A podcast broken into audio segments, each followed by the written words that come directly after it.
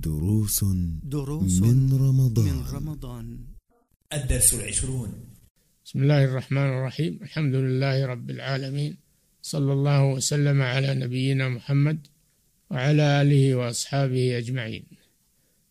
مما اختص به شهر رمضان من الفضائل العظيمة أن فيه ليلة خير من ألف شهر وهي ليلة القدر وهي في رمضان. لكن لم تتعين في ليلة محددة أخفاها الله سبحانه وتعالى من أجل أن يجتهد المسلم في كل ليالي شهر رمضان. لأنه لو حددت بليلة معينة اقتصر بعض الناس عليها وترك بقية الليالي فمن حكمة الله أنه أخفاها من أجل أن يجتهد المسلم في كل ليالي الشهر ليحوز على الفضيلتين. فضيلة ليالي الشهر وفضيلة ليلة القدر. فهذا من حكمة الله. كما أخفى الساعة التي في يوم الجمعة لأجل أن يجتهد المسلم في كل في كل اليوم ليكتب له زيادة الأجر على فضيلة تلك الساعة. فهذه أمور يجب على المسلم أن يتحراها وأن يجتهد فيها ولا يقتصر على ليلة معينة لأن ليلة القدر خفية تحتمل في كل الليالي. وإن كانت في العشر الأواخر أرجح وفي ليلة سبع وعشرين آكد ولكن هذا لا يمنع أن تكون ليلة القدر في غير تلك الليلة.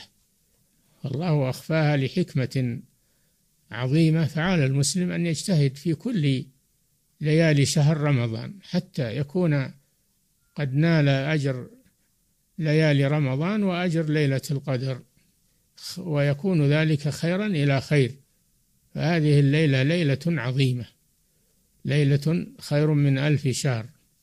يعني تقدر بثلاث وثمانين سنة وزيادة أشهر في العبادة. هذا خير عظيم. وهي في هذا الشهر في شهر رمضان بلا شك لا تخرج عنه. وهي ليلة ذات قدر عند الله. وقيل سميت ليلة القدر لأنها تقدر فيها تقدر فيها الآجال وال والأمور التي تجري في السنة. التقدير الحولي هذا. هذا يسمى التقدير الحولي. وهو مأخوذ من القدر العام المكتوب في اللوح المحفوظ. وقيل سميت ليلة القدر لأن لها قدرا ومكانة عند الله سبحانه وتعالى. على كل حال هي ليلة عظيمة نوه الله بشأنها بقوله وما أدراك ما ليلة القدر ليلة القدر خير من ألف شهر. وهذا فضل عظيم لمن وفقه الله في هذه الليلة.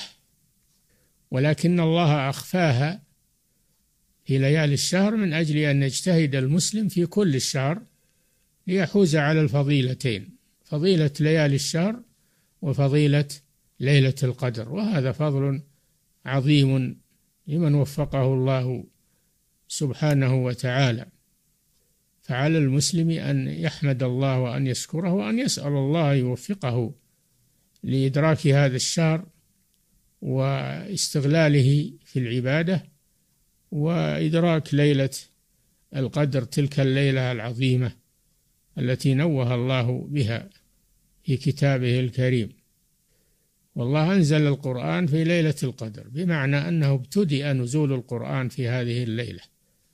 ثم تتابع على الرسول صلى الله عليه وسلم إلى أن توفاه الله في ثلاث وعشرين سنة. ينزل منجما بحسب الحوادث والوقائع وقيل إن الله أنزله جملة إلى آه، البيت المعمور في السماء الدنيا ثم نزل مفرقا على الرسول صلى الله عليه وسلم. على كل حال هذه الليلة ليلة عظيمة نوه الله بشأنها وإذا أدركها المسلم فإنه يكون قد أدرك هذا الفضل وهو خير من ألف شهر. فعلى المسلم أن يجتهد في رمضان في كله ليحوز على هذا الفضل العظيم والثواب الجزيل والموفق من وفقه الله. والمحروم من حرمه الله. ولا حول ولا قوة إلا بالله العلي العظيم. إنها فضائل عظيمة في هذا الشهر الكريم. يجب على المسلم أن يسأل الله أن يمكنه من هذا الشهر وأن يعينه على آه، استغلاله في الخير والعبادة. ويسأل الله أن يتقبل منه ما عمله. وأن يوفقه للإخلاص إخلاص النية لله عز وجل. فهو شهر عبادات متنوعة. شهر كريم شهر العبادات شهر الصبر شهر الصيام شهر إطعام الطعام شهر تلاوة القرآن. شهر فيه ليلة خير من ألف شهر. شهر غرة في في جبين السنة خصه الله سبحانه وتعالى بأن جعل صيامه ركنا من أركان الإسلام.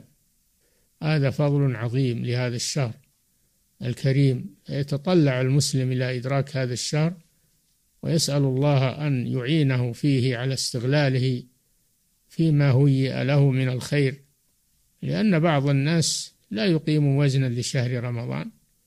إنما يعتبرون شهر رمضان شهر الأكل والشرب والشره وتنويع المآكل والمشارب وموائد الإفطار والسحور ويشترون المشتريات الكثيرة لهذا الشهر كأنه إنما هو للأكل والشرب ولم يشعروا أنه شهر للعبادة والصيام الذي هو ترك الأكل والشرب.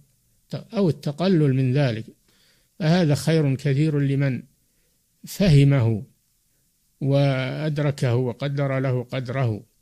وأما من لم ينتبه لذلك فإنه يمر عليه كغيره من الشهور. لا يعرفه إلا أنه شهر النوم السهر بالليل والنوم النهار وتنويع المآكل والمشارب. والمحروم من حرمه الله والموفق من وفقه الله صلى الله وسلم على نبينا محمد على آله وأصحابه أجمعين.